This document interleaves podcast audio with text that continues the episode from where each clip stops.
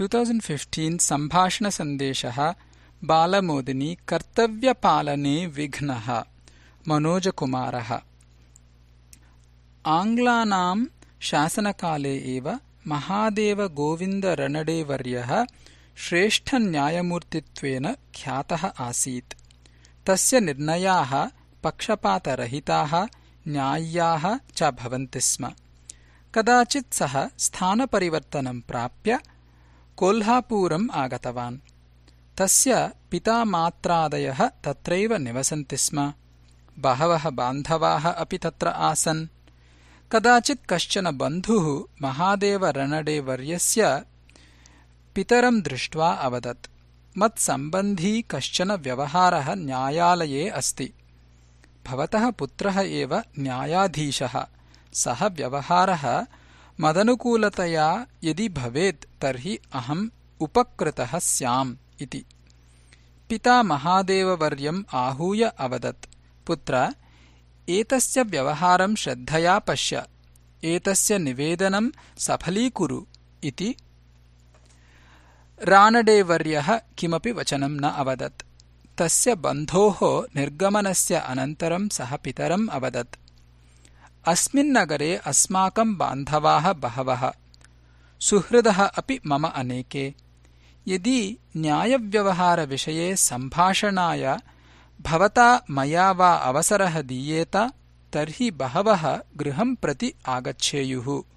स्वानुकूलतया निर्णयं प्राप्तुम्।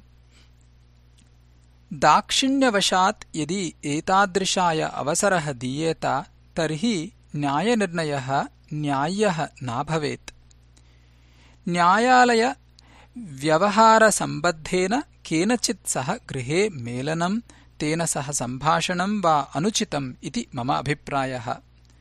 सत्यनिष्ठतया निष्पक्षपाततया च न्यायनिर्णयः प्रचलेत्। मम कर्तव्यपालने भवतः अपि साहाय्यम् अपेक्षितम् एव। पिता साश्चर्यम् पुत्रस्य मुखम् अपश्यत् विधेयः पुत्रः मम वचनं निराकुर्यात् इत्येतत् न चिन्तितम् आसीत् तेन। तावता महादेव रानडेवर्यः पुनः अवदत्। यदि कर्तव्यच्युतिः भवेत् तर्हि मनसः अशान्तिः स्यात्। ततः शरीरस्वास्थ्यस्यापि हानिः भवेत्। एतत् सर्वम् किम् इच्छति भवान् एतादृशाः प्रसङ्गाः अत्र पुनः पुनः आगच्छेयुः इति यदि अस्ति तर्हि अहम् चिन्तयामि स्थानपरिवर्तनाय प्रयासः एव वरम् इति।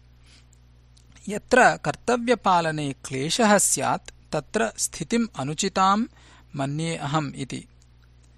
एतत् श्रुत्वा पिता अवदत् पुत्र स्पष्टवादिताम् श्रेयता भवता युक्तमेव उक्तम् मत्कारणतः अस्मत्कुटुम्बसदस्यानां कारणतः वा भवतः कर्तव्यपालनकार्ये विघ्नः न भविष्यति।